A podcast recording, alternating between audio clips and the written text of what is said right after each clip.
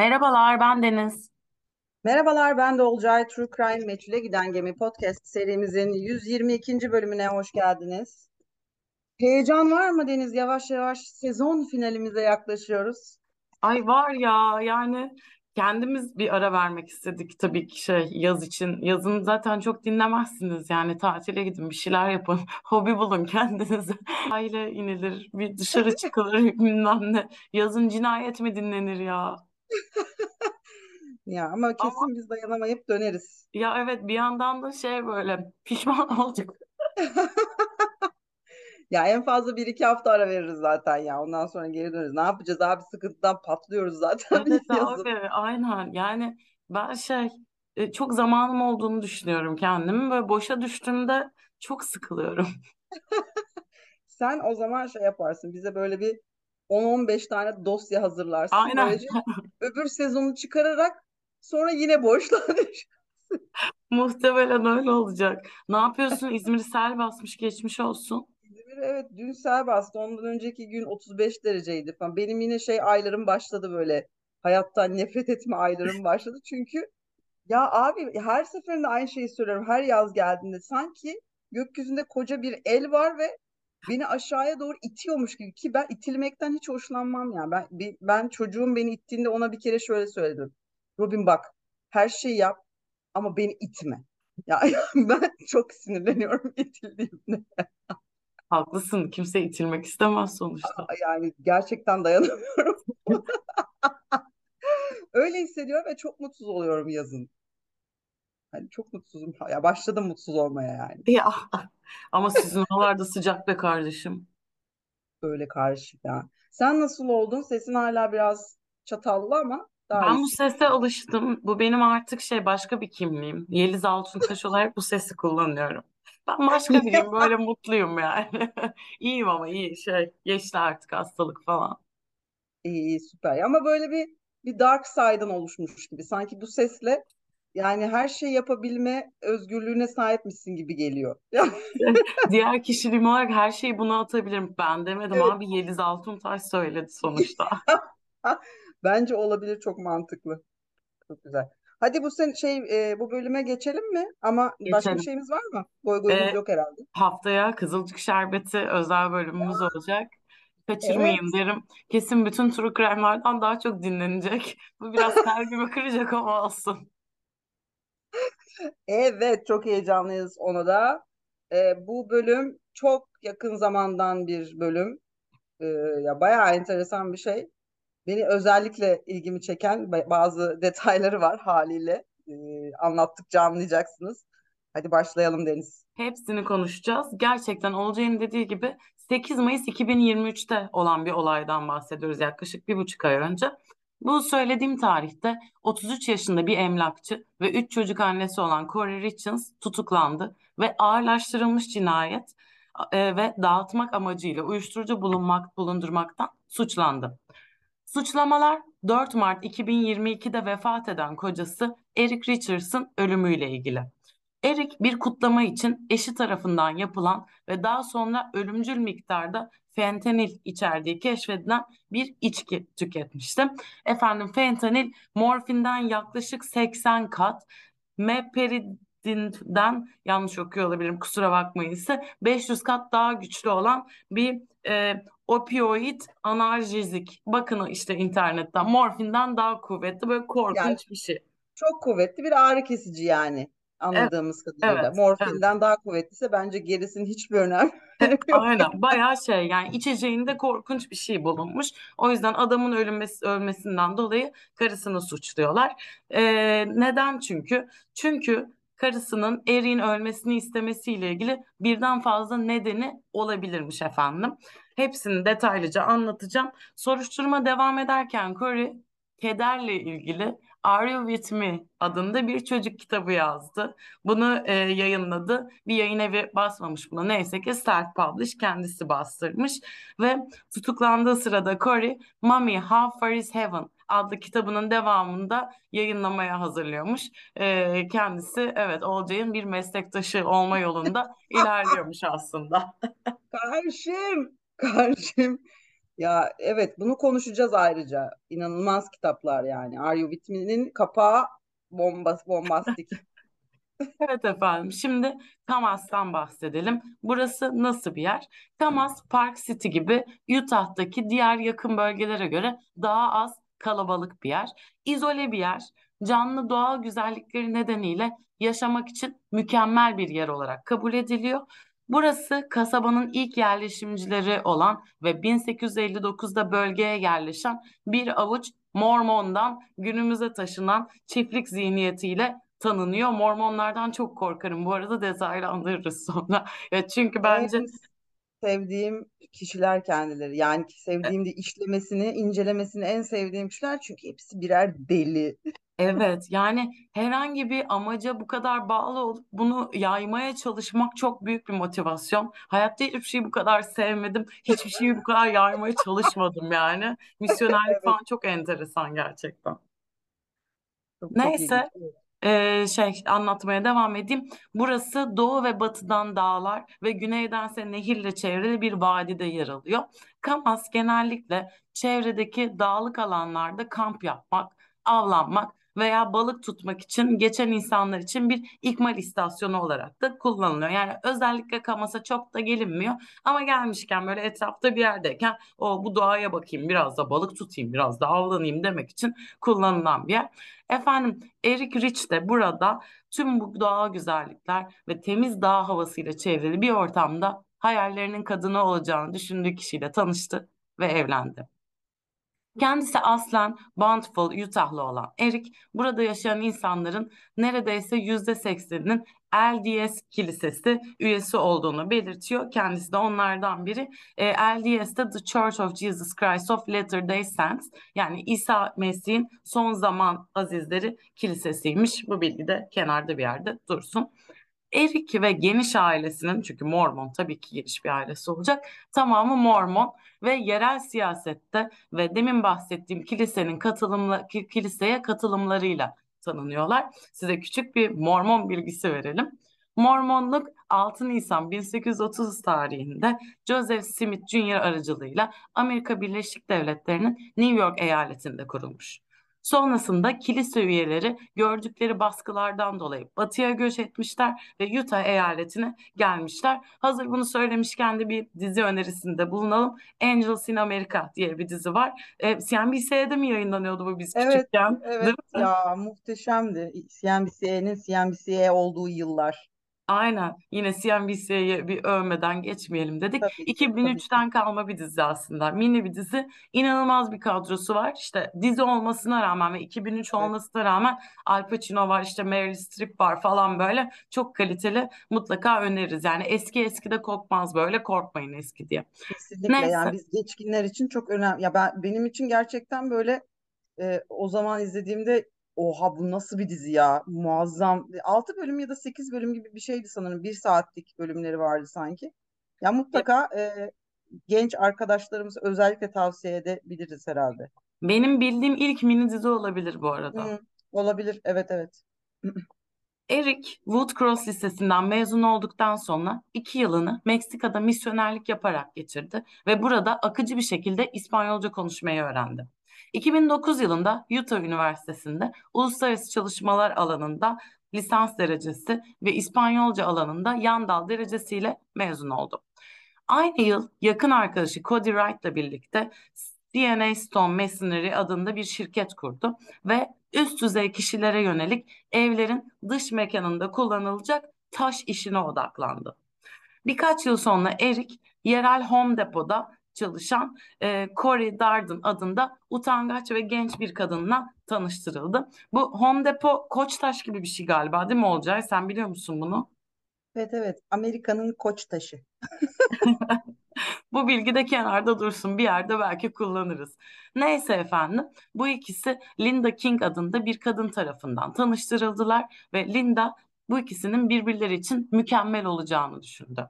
Gerçekten de Eric ve Corey ilk randevularının sonunda birbirlerine aşık oldular ve çöp çatan Linda'nın deyimiyle peri masalı gibi bir ilişki yaşadılar. 15 Haziran 2013'te Eric ve Corey Kamas'taki evlerinin arka bahçesinde nikah masasına oturdular O beleşçiler hiçbir şeye de para vermiyorlar. Evde evleniyorlar. Neyse efendim 282 West Phillip Court adresinde bulunan evlerinde 3 oğlan çocukları oldu. 3 erkek çocukları oldu. Ve söylendiğine göre Erik için dünyada hiçbir şey ailesinden özellikle çocuklarından daha önemli değilmiş. Ee, çok değişik biri bu arada. Futboldan basketbola hatta beyzbola kadar tüm spor dallarında koçluk yapmış. İnanılmaz sportif bir adam. Bir de bence çok enteresan. Erik aynı zamanda aklınıza gelebilecek hemen hemen her motorlu araca sahip. Ailesinde en çok çarpışma rekorunu elinde tutuyor ve bir kazada yüzüne tam 200 dikiş atılmış. Ya yani şöyle söyleyeyim, ben küçükken bir kaza geçirmiştim. Bana 13 dikiş atılmış atılmıştı ve bu bence çok iddialı bir rakamdı. 200 dikiş düşünemiyorum. Yüzde 200 dikiş ya bütün yüz falan herhalde. Of evet kesinlikle. Ya bende de 12 tane var şu e, çarpış kazadan. Onun ne ya 200 dikiş nereye sığdırmış olabilirler abi yani çok Yüzü uzunsa demek ki bilemedim. Efendim kendisi e, Cody ile birlikte bir iş kurmuştu ya bu iş çok başarılı ve kazançlı bir hale geliyor. Ayrıca gönüllü olarak yakındaki dağlarda arama kurtarma çalışmalarına katılıyor. E tabi taşla da oyalanması lazım ama gerçekten de sağlam oyalanıyor. Yani bayağı şey her vaktini değerlendiren biri e, takdir ediyorum. Neyse evlendiğinde Erik'in karısı Corey artık Koçtaş'ta Home Depot'da çalışmıyordu. ne de olsa kocası artık çok başarılı ve mali açıdan kazançlı bir iş yürütüyor. Corey de kendi işini kurdu. Artık ben kimsenin ağız kokusunu çekemem dedi ve emlakçılık yapmaya başladı. Kendisi e, ev Abi tam Türkmüş ya yalnız. İşi Değil bırakıp değil emlakçı oluyor. Kendisi ev alıp satmaya odaklanmış. Ee, söylenenlere göre Erik'in öldüğü gece Corey'nin Midway, Utah'ta harika bir ev sattığını biliyoruz. Ve bu e, evin satışını kutlamak için tabii çılgın bir komisyon olacak. Kocasına bir Moscow Mule hazırlamış. Bu da e, vodka, zencefilli bira ve limon suyuyla yapılırmış. Bakır bir kupada da servis edilirmiş. İşte yatakta kocasına bu içkiyi servis ettiğini biliyoruz. Daha sonra Corey oğullarının gece terörlerinden biriyle evlenmek için yatak odasına çıkmış. Ee, Evlenmek Olcay mi? Gece Ne? terörüyle evlenirsen canın sıkılır. Gece Gece, Ya terörüyle evlen. şöyle gece terörü benim bildiğim bir şey değil. Gece terörüyle evlenilmiyor arkadaşlar. Gece terörü nedir? Çocuklarda gece terörü nedir? Anlatır mısın bize biraz? Çocuklarda gece terörü. Bir anda şeye bağlı. Ebeveynlik 101'e bağlı. Çok kısaca. Ay çok gece terörü iğrenç bir şey. Ee, sanıyorum böyle 2-3 yaşlarında oluyordu. Ee, yani Robin'e bir kez oldu ama daha sık yaşayanlar da varmış. Ya gecenin bir yarısı çocuk uykudan çığlık çığlığa uyanıyor. Aslında uyanmıyor. Yani gözleri açık ya da kapalı ama kafa gidik yani şey e, bilinç yerinde değil. Çığlık çığlığa böyle işte bağırıyor, tepiniyor. Tam böyle egzorsiste bağlıyor yani ve onu o sırada şey yapman gerekiyor. E, uyandırmaman gerekiyor bir kere herhangi bir şoka girmemesi için. Ama ya kucağına almaya çalışıyorsun, itiyor, ya tekmeliyor falan. İ, ya, iğrenç bir şey ya. Böyle aşırı korkmuştum ilk baş, başta bir kere olduğunda tekrarlayacak diye ama Allah'tan bizde olmadı. Fakat e, yani böyle periyodik olarak tekrarlayan vakalar da oluyormuş. Hiçbir sebebi yok yani şey e, yani şu çocuklarda olur bu çocuklarda olmaz diye bir şey de yok. E, yani daha detaylı tabii ki başkası biliyordur ama ben o sıralar araştırdığımda böyle çıkmıştı ama yani gerçekten iğrenç bir şey. Evet, çok iyi anlattım bu arada. Şu an gözümde canlandı. Ee, Tori bu işte olayla ilgilenirken oğluyla birlikte odada uyuyakalmış ve gece 3 civarında uyandığında kocasını dokunulamayacak kadar soğuk ve tepkisiz bulmuş. Hemen 911'i aramış ancak e, bir süre hayat kurtarıcı önleme rağmen Erik, Erik'in tepkisizliği sürmüş ve maalesef öldüğü ilan edilmiş. Kolluk kuvvetleri otopsi ve toksikoloji raporunu aldıktan sonra Corey'den şüphelenmeye başlamış. Adli tabip Erik'in vücudunda ölümcül dozun 5 katı oranında fentanil bulmuş. Fentanil efendim güçlü bir ağrı kesici ilaç. Ee, Adalet Bakanlığı son yıllarda rekor sayıda aşırı dozda fentanil alındığını bildiriyor. Ve nereden alınıyor peki bu? Erik'in vücudundaki fentanilin sokaklardaki bir uyuşturucu satıcısından satın alınan yasa dışı bir tür olduğu belirlenmiş. Böyle alt türleri de varmış. Erik'te bulunan yasa dışı olanmış. Ve Erik'in kazara aşırı dozda ağrı kesici hap almayacağı da gayet açık. Polis hemen Cory'nin cep telefonunu alıyor ve bu fentanili satın almak için onun biriyle iletişim kurduğunu öğreniyor. Ama Cory'nin fentanil satın almasından bahsetmeden önce Cory'nin telefonunda başka neler bulunduğundan biraz bahsetmek istiyorum. Biraz detaylandıralım bunları. Cory oğluyla bu işte gece nöbeti midir, gece cehennemi midir nedir ona gitmek için oğluyla e, uyuduğunda yatak odasından çıktığında telefonunu kendi yatağının yanında prize takılı olarak bıraktığını iddia etmiş.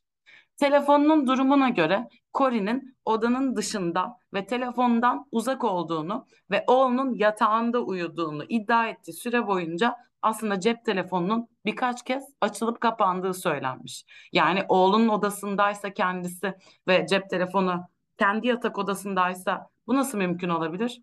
Telefonda hareketlilik var, bazı kısa mesajlar gönderilmiş ve alınmış. Ne yazık ki kolluk kuvvetleri bu mesajın içeriğini göremediklerini ve Kori'den şüphelendikten hemen sonra bu mesajların silindiğini iddia ediyor.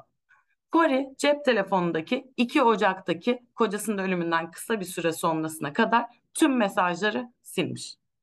Ancak Cory'nin telefonundan elde edilen bazı şeyler var. Bu da 2022 yılının Ocak, Şubat ve Mart ayları boyunca iletişim halinde olduğu bir kişinin numarası. Bu numarayı araştırdıklarında bir isme ulaşıyorlar. Ee, Cory'nin iletişim kurduğu kişi dağıtmak amacıyla kontrollü madde bulunmak bulundurmakta suçlanıyor. Kontrollü madde ve uyuşturucu teçhizatında bulundurmaktan. Yani Erik aşırı dozda fentanilden ölüyor ve karısı Cory'de yasa dışı uyuşturucu bulundurma geçmişi olan bir kişiyle temas halinde sıklıkla konuşuyorlar. Summit ilçesi dedektifleri bu kişiyle bir görüşme yapıyor ve onlara Cory'nin 2022 yılının Ocak ve Şubat aylarında kendisiyle iletişime geçtiğini ve sırt ağrısı çeken bir yatırımcı için ağrı kesici ilaç istediğini söyledi. 12 Şubat'ta Cory hapları alıp alamayacağını öğrenmek için Seattle'a ulaşıyor ve bu kişi daha sonra bir satıcıya ulaşıyor. Cory'e elden teslim etti bazı hidrokodin hapları temin edebildiğini biliyoruz. Bu hidrokodon, pardon hidrokodon sadece Vicodin ve fentanil kadar güçlü değil. Yani böyle işte garip garip haplar yani çok detaya girmeye gerek yok. İki gün sonra bu arada sevgililer günü Corey Eri'ye bir sandviç yapıyor ve sevgililer günü sürprizi olarak bir notla beraber kamyonetteki koltuğuna bırakıyor. Ancak Erik bu sandviçi yediğinde hemen korkunç bir alerjik reaksiyon gösteriyor. Kurdeşen döküyor, nefes almakta zorlanıyor ve oğlunun alerji ilacını kullanmak zorunda kalıyor. Bundan sonra Erik bir arkadaşına attığı mesajda karısının kendisini zehirlemeye çalıştığına inandığını iddia ediyor. Bu arada Erik'in ailesine göre bu ilk kez olan bir şey de değilmiş. Olcay buraya kadar yorumun var mı? Yani Corey inanılmaz bir karakter olma yolunda ilerliyor. Ee, şimdi tekrardan şeyi tarafını almak istiyorum. Çocuk kitabı yazması ve e, bu şeyleri çok çok enteresan bir karakter yaratıyor ortaya ya. Değil mi? Evet. Şimdi e, Erik'in ailesinin iddialarından biraz bahsedeyim. Birkaç yıl önce Corey Yunanistan'da Erik'e bir şey içirmiş ve Erik yine şiddetli bir şekilde hastalanmış. Erik ailesine eğer başına bir şey gelirse bunun Corey'nin suçu olacağını söylemiş. Erik sevgililer gününde de ölmeyince Corey polisin görüştüğü ilk kişiye geri döndü ve Şubat sonunda onunla tekrar temasa geçerek yatırımcısının sırt ağrısı için daha güçlü haplar istedi. Demin söylediğim olar. Corey'nin tanıdığı bu kişi 15 ila 30 fentanil hap almak için Ogden, Utah'taki bir uyuşturucu satıcısına ulaşıyor. Corey 15 ila 30 fentanil hapını yaklaşık 900 dolar karşılığında alıyor. E, fentanil haplarının miktarı burada belirsiz ama Corey 15 ila 30 fentanil hapı aldıktan kısa bir süre sonra Eric Richards yani satın aldıktan sonra Eric trajik bir şekilde aşırı dozda fentanilden ölü bulunuyor. Efendim Erik'in ölümünden bir gün sonra 5 Mart'ta Cory Erik'in ölümünü kutlamak için değil ama Midway'de, Midway'de devasa bir malikane anlaşması yapmanın sonucunda ortak evlerinde bir parti veriyor. Olayları çevreleyen karmaşa ortasında haber kaynakları Cory'nin partisini ve Cory ile Erik'in kız kardeşi Kate arasında yaşanan ve Cory'nin vasiyetten çıkarıldığını ortaya çıkaran tartışmayı bir haber yapıyorlar. Çelişkili haberlere rağmen Cory'nin vasiyetten çıkarıldığını fark ettiği ve ardından Katie ile kız kardeş de fiziksel bir tartışmaya girdiği biliniyor. Vasiyetten çıkarıldığının ortaya çıkması Cory'i çileden çıkarmış ve Erik'in içinde yüklü miktarda nakit para ve vasiyet bulunan kasasına erişmek için bir çilingir tutmasına yol açmıştı. Kore'nin 2015 gibi erken bir tarihte başlayan bazı şüpheli finansal hamleleri de var bu arada. Olcay bunları detaylandıracak. 2015 ve 2017 yılları arasında Kore, Erik'in haberi olmadan onun üzerine toplamda yaklaşık 2 milyon dolar tutarında birden fazla hayat sigortası poliçesi satın almış. İnanılmaz karakterimiz Cory'nin e, bu tuhaf mali eylemleri sadece bununla kalmıyor. Ekim 2020'de Eric, Cory'nin banka hesabından önemli bir meblağ almak, kredi kartı borcu biriktirmek ve adamın imzasını taklit etmekte dahil olmak üzere aldatıcı pek çok eylemini keşfediyor. Eric'in yeni öğrendiği bilgiler Cory'e haber vermeden önemli değişiklikler yapmasına boşanma ve emlak planlama avukatlarından tavsiye almasına neden oluyor hatta. Cory ve Eric arasındaki karmaşık ilişki Cory'nin daha önceki zehirleme girişimleri de dahil olmak üzere tehlikeli niyetlerine dair şüpheleri ortaya çıkarıyor ve daha derin bir çekişme seviyesine işaret ediyor. Karmaşık para izleri Cory'nin şüpheli finansal hamleler yaptığını göstermekte ve Eric'e zarar vermek ve kendisine fayda sağlamak için önceden planlanmış niyetini ima ediyor. Cory'nin eylemleri e, zaman çizelgelerinde tartışmalı olsa da manipülasyonunu ve vasiyetten çıkarıldığını öğrendikten sonraki öfkesini vurgulamakta ve Erik'le arasındaki artan çatışmaya ışık tutmakta. Benzer şekilde Cory'nin eşi Erik'in Erik'in iş hesabından en az 150 bin doları yasa dışı bir şekilde zimmetine geçirdiği ortaya çıkıyor. Bu para aslında şirketin federal ve eyalet gelir vergilerini karşılamak üzere ayrılmış durumda Erik tarafından ve bir anda ortadan kalkıyor. Erik Corey ile bu kayıp para konusunda yüzleşince Corey ona bu parayı geri ödeme sözü veriyor. Fakat aldatıcı eylemleri sona ermiyor. Anlaşıldığı üzere Erik ve iş ortağı Cody Wright, iş ortakları arasında yaygın bir uygulama olan birbirleri üzerine hayat sigortası poliçeleri yaptırmışlardı. Bu düzenleme beklenmedik bir ölüm durumunda hayatta kalan ortağın ölen ortağın şirketteki payını satın alma imkanına sahip olmasını sağlıyordu. Ocak 2022'de Cory, Erik'in hayat sigortası hesabına gizlice erişiyor ve burayı ve bu poliçeyi kendi lehine değiştiriyor. Bununla birlikte Erik değişikliği fark ediyor, geri zekalı olmadığı için ve tekrar bunun e, tarafını ortağı Cody'ye çeviriyor. Ayrıca Cory kocası üzerine 100 bin dolarlık yeni bir hayat sigortası poliçesi almaya çalışıyor. Bu durum Cory'nin Erik'in bilgisi dışında poliçe satın aldığı ya da kendisini taraf olarak tayin etmeye çalıştığı toplamda 6 civarında e, birden fazla hayat sigortası poliçesiyle sonuçlanıyor. 2022 yılına gelindiğinde ise Erik bir şeylerin ters gittiğini artık iyiden iyi anlıyor ve aralarında bir boşanma avukatı ile az önce söylediğim gibi bir emlak planlama avukatının da bulunduğu bir takım avukatlara danışmaya başlıyor. Cory'nin bilgisi dışında önlemler alan Eric, vasiyetini Cory'i tamamen dışarıda bırakacak şekilde değiştiriyor. Kız kardeşi Katie'yi mütevelli olarak atıyor ve iş ortaklığını devrediyor. 500 bin dolarlık hayat sigortası poliçesinin de tarafı olarak kız kardeşi Katie'yi belirliyor. Cory muhtemelen tüm bunları yaparken aslında Erik'in Mormon inancından faydalanıyor. Çünkü e, Mormonların, Mormonların kilisesine göre boşanma genellikle tasvip edilmez. Erik'in çocuklarına olan bağlılığı ve uyumlu bir aile birimini sürdürme arzusu muhtemelen evlilikte kalma kararını etkilemişti. Corey de bunu biliyordu. Nasıl olsa ne yaparsam yapayım dışarıya evli, iyi bir aile sahibi ve iyi bir aile babası olarak gözükmek isteyecektir ve beni asla bırakamaz diyor. Çocuklarıyla irtibatı kay irtibatı kaybetme korkusu ve boşandıktan sonra birlikte ebeveynlik yapmanın zorlukları aslına bakarsanız sadece Mormonlarda değil, şu anda da günümüzde de çiftlerin e, evliliklerini zorlaya zorla ite kaka yürütmeye çalışmalarına sebep oluyor. Bunu e, yapmayın diyorum efendim. Böyle bu şekilde gitmez. Harcarsınız kendinizi. Gerek yok değil mi o mutsuzluğa? Yani gerek yok. Kimse kimseye mecbur değil. Ondan sonra başka şekilde e, şey ortaya çıkıyor. Sonuçta da bu işten en çok çocuklar zarar görüyor. E, yani yapacak bir şey yok. Öbür türlü daha iyi oluyor. Boş ver.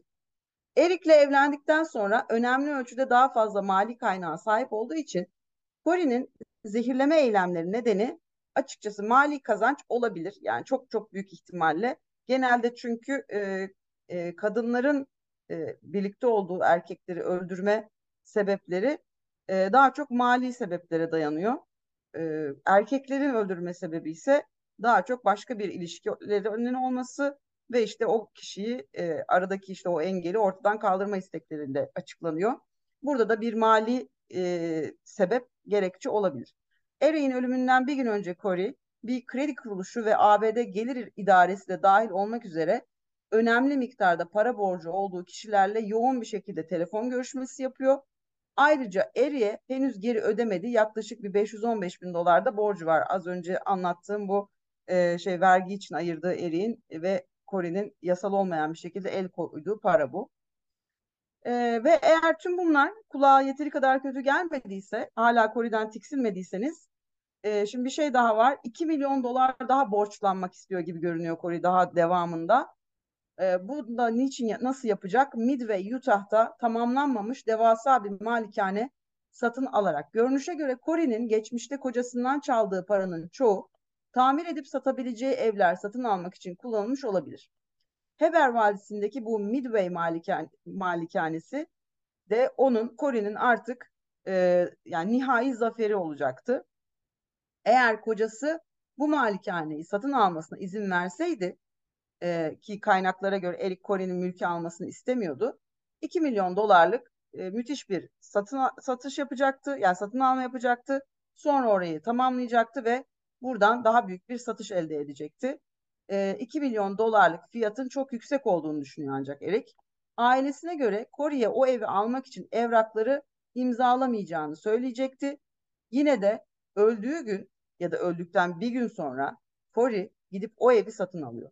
Bu 22 bin metrekarelik devasa malikane Provo Nehri yakınlarındaki 113 numara, numaralı eyalet yolunun dışında 106 North Legacy Way adresinde yer alıyor. Ev 10 dönümlük bir arazi üzerine kurulu. İnşaatı 2017 yılında başlamış. Doug Roy Lance adında bir adam hayalindeki evi inşa etmeye karar verdiğinde burada 8 yatak odası, 12 banyo, 2 mutfak, bir yüzme havuzu, golf simülatörü ve bir tırmanma duvarı tasarlıyor. Hatta bir kapalı voleybol sahası bile var bu malikanede. Görünüşe göre yerel halk bu yapıdan pek hoşlanmamış ve bulunduğu muhteşem ve geniş vadede göze battığından şikayet etmiş. Özellikle de Roy Lence'in projeden vazgeçip Guatemala'ya taşınması ve hayalindeki büyük evi yarım bırakması nedeniyle bölge halkı tarafından bu ev pek hoş gözükmüyor. Bitmemiş malikane 2019 yılında şerif ofisinin mülkte bir ölüm olduğunu duyurmasıyla da dikkatleri üzerine çekiyor. Malikane 2022 yılında Heber Vadisi'ne taşınan genç bir çifte satılıyor. Bu çift inşaatı bitirip malikaneye yerleşmeyi planlıyordu aslında. Ancak daha sonra koca evin tamamlanmasından kısa bir süre sonra beklenmedik bir şekilde ölünce genç dul eşi evi tekrar satışa çıkarıyor. İşte Kori de tam olarak burada devreye giriyor. E, pek çok insan bu evin perili olduğunu söylüyor. Çünkü işte daha öncesinde bir ölüm var. 2019'da bahsedilen Şerif Departmanı'nın söylediği bir ölüm var. Detayları çok bilinmiyor. E, işte bu satın alan genç çiftin erkeği, koca olan ölüyor. E, Eric Richens bu karısı bu evi satın alabilsin diye ölüyor ki yani bu bizim tamamen fikrimiz. E, daha netleşmiş bir durum yok ortada. Ee, yani pek çok insan bu evin lanetli olduğunu ve bu eve bulaşan herkesin bir ölüm göreceğini söylüyor. 2022 yılında Malikane tekrar satışa çıktığında herhangi bir alıcının masrafları kendisine ait olmak üzere inşaatı bitirmekten sorumlu olacağı anlayışıyla listeye giriyor. Bu da hava durumuna bağlı olarak yaklaşık 6 ay ya da daha fazla sürebilir demek. Evin ilanında şu ifadeler yer alıyor. Bu mimari şaheseri tamamlayarak çerçevesi zaten çizilmiş olan bu eve kişisel dokunuşlarınızı ekleyin ve mükemmel inzivanızı yaratın. Burası kendi cennetiniz olsun. Kiler, yüzme havuzu, terapi havuzu, egzersiz odası, golf simülatörü, tam boy kapalı voleybol sahası, tırmanma duvarı, iki ortak oda, iki mutfak ve hatta sanal gerçeklik deneyimleri için ayrılmış özel bir oda. Nefes kesen dağ manzaranızı seyrederek kapalı verandanızın keyfini çıkarın. Bitişik banyolara sahip 8 yatak odası, iş top toplantıları veya aile toplantıları için 60 kişiye kadar insanın burada kalmasına olanak sağlayabilir. Dahası bu tesiste 3600 metrekarelik 3 yatak odalı, 3 banyolu ek bir bekçi evi de bulunmaktadır. Bu bekçi evinden bahsederken şöyle bir durup ufka bakıp biraz fakirliğimizi düşünelim mi Deniz? Bir şey söyleyeceğim. Bekçi evi bile çok güzel gözüküyor. Yani şey e, o bekçi evinde bile otururum ben öyle söyleyeyim. Yani kendimi bütün bu eve yakıştıramıyorum. Maksimum bekçi evi diyebilirim. Değil mi? Hayalinde bile o malikaneye değil. Yani en azından ya bekçi evi de fazla gelir de yani hadi hadi bir oraya bari şey yapayım. Ay, mesela ne bileyim o evi hangi eşyalarla şey yapacağız? E, O ev donatacağız. temizlenmez, temizlenmez o ev. Temizlenmez. Kaç kişi temizleyecek? Nereden bulacağım? Nasıl nasıl Kışın çok olacak? yakar. Nasıl Evet. ısıtacaksın evi? Aynen. Faturası da çok gelir. Hiç gerek yok böyle şeylere. Aman Ben hiç bekçi gerek yok evinde ya. otururum. Evet, evin şu anda bitmemiş halinin fotoğrafları var. Ama aynı zamanda malikanenin tamamlandığının nasıl görünmesi gö- beklendiğine dair bir video da var. Ee, ev neredeyse 5 milyon dolara listeleniyor. Ve biz bunun e, Cory'nin bu evi 2 milyon dolara, ya ev denmez bunu da işte şato neyse her neyse. Onun 2 milyon doları satın aldığını biliyoruz. Bu yüzden de belki de bunun harika bir anlaşma olduğunu düşünüyordu Cory. İnşaatı tamamlayıp evi çevirebileceğini ve birkaç milyon dolar kar edebileceğini düşünmüştü. Bu onun tüm mali sorunlarını çözecek, borçlu olduğu insanlara geri ödeme yapmasını sağlayacak ve mülk satın alıp alıp mülk satın alıp da, daha sonra satmaya devam etmesini sağlayacaktı. Böylece ya hep ya hiç mantığıyla kocası Eric ona bu ev için 2 milyon doları gözden çıkaramayacaklarını söylediğinde muhtemelen çılgına dönmüştü. Eric ölür ölmez ailesi Cory'den şüphelenmeye başladı.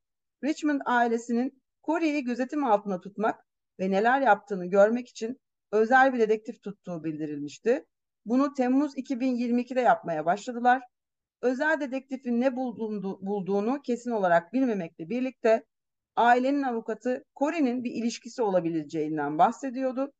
Evliliğinin dışında uzun süredir görüştüğü biri var diyor e, Eric'in ailesinin avukatı. Ama bunun dışında herhangi bir detay mevcut değil ki zaten olay çok yeni olduğu için bu tip detaylar e, basına sızdırılmıyor. Bildiğimiz tek şey Cory ve Eric'in ailesinin Eric'in zamansız ölümünden kısa bir süre sonra hararetli bir yasal savaşa girdikleri. Cory vasiyetnamede yapılan değişikliklere şiddetle itiraz ediyor. Adalet arayışında evlilik öncesi anlaşmalarına dayanarak boşanmalarından önce erken vefat etmesi durumunda bile Eric'in mal varlığında hak sahibi olmaya devam ettiğini savunarak 3,6 milyon dolardan fazla şaşırtıcı bir miktar talep eden bir dava açıyor aileye. Bununla birlikte Utah yasa, yasalarının cinayetten hüküm giymiş kişilerin iğrenç eylemlerinden kazanç elde etmelerini kesin olarak yasakladığını belirtmek de lazım. Bunu hani yasaklamayan herhangi bir e, yasa var mı bilmiyorum ama olabilir yani. Gerçekten bu kadar detaylı bilmiyorum tüm dünya yasalarını. Bu da bizi tamamen yepyeni bir seviyeye getiriyor aslında. İlginçtir ki Erik'in ölümünden yaklaşık bir yıl sonra işte burası artık yavaş yavaş benim en sevdiğim kısma geliyor. Cory edebiyat dünyasına girmeye karar veriyor. Ve Deniz'in başta söz ettiği bir çocuk kitabı yayınlıyor. Neydi ismi çocuk kitabımızın? Hemen bir saniye hatırlamaya çalışıyorum. Ne, şey yasla ilgili bir şeydi. Are You With Me? Are You With Me adlı kitabı çıkarıyor. Çünkü yani müthiş zekice bence. Yani yapılabilecek en zekice hamleyi yapıyor. Ee, kitabın özetine göre, bakın şimdi hemen anlatıyorum. Arka kapak metnine ve özetine göre. Kitabın amacı sevdikleri birinin yıkıcı kaybını yaşayan çocukların kalplerine huzur ve teselli aşılamak. Bu genç ruhlara sevdikleri kişiler artık fiziksel olarak yanlarında olmasa da ruhani varlıklarının sonsuza kadar onlara eşlik edeceği ve hayat yolculuğunda birlikte yol alacakları konusunda güvence vermeyi amaçlıyor. Bu zorlu mücadeleyle bizzat yüzleşmiş ve üstesinden gelmiş şefkatli bir anne tarafından kaleme alınan kitabın çocuklara keder labirentinde incelikle yol gösteren içten ve teselli edici bir rehber olması amaçlanıyor.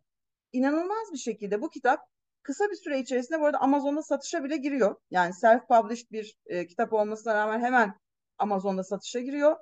Ancak tabii yani o yani Amazon olduğu için orada söz konusu platform hemen o ya ortada böyle saçma sapan şeyler ortaya çıkınca hemen kaldırıyor kitabı platformdan.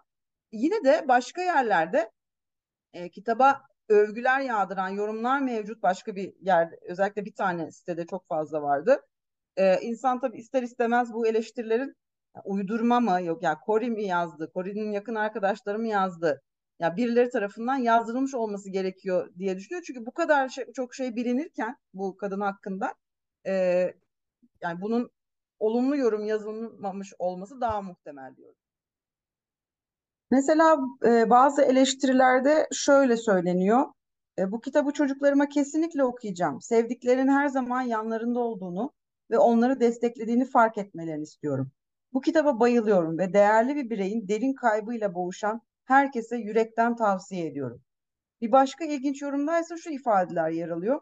Yazarın merhum kocasına ithaf ettiği bu kitap çocuklarına babalarının ruhunun baki olduğunu hatırlatıyor. Babalarına muhteşem bir saygı duruşu. Sonsuzluk için değerli bir hatıra. E, Cory'nin me medyanın ilgisini çekmek için bir arayışa girmesi de ilgi çekici aslına bakarsanız. Kitabını tanıtmak ve daha fazla satış elde etmek için e, sanki bir fırsat kolluyor ve 6 Nisan 2023'te Salt Lake City'de Good Day Utah'ın setinde boy gösteriyor ve burada kitabını tanıtıyor. Kocası Eric'in şok edici ve beklenmedik kaybından bahsediyor burada. Bunun kendisi ve üç küçük oğlu üzerindeki etkisini vurguluyor. Buradaki tavrı da çok enteresan. Yani e, geçen sene e, ya eşini kaybetmiş biri için son derece duygusuz bir şekilde anlatıyor. Bir de garip bir şekilde bana çok garip geldi. Yani baya, böyle stüdyodalar. İşte iki kadın var e, sabah programı. Kadın böyle sanki şey oradan geçiyormuş gibi üstünde bir tane deri ceket var, mont var. Yani hani gelirken uğramış, oturmuş, anlatıyor ve devam edecekmiş gibi geliyor. Garip yani konuşması da böyle şey ezberlediği cümleleri ardı ardına sıralıyormuş gibi. Enteresan en basit tabiriyle şey diyebilir miyiz? Bütün suçlamalar bir yana kocasının ölümünü biraz prime çevirmiş diyebilir miyiz hocam? Kes, kesinlikle hocam, kesinlikle. Yani hiçbir şey olmasa bile bir şey olmuş bir şey orada. E, neyse ki neyse ki dünyada geç de olsa gerçeğin bir şekilde ortaya çık çıkmak gibi tuhaf bir huyu var.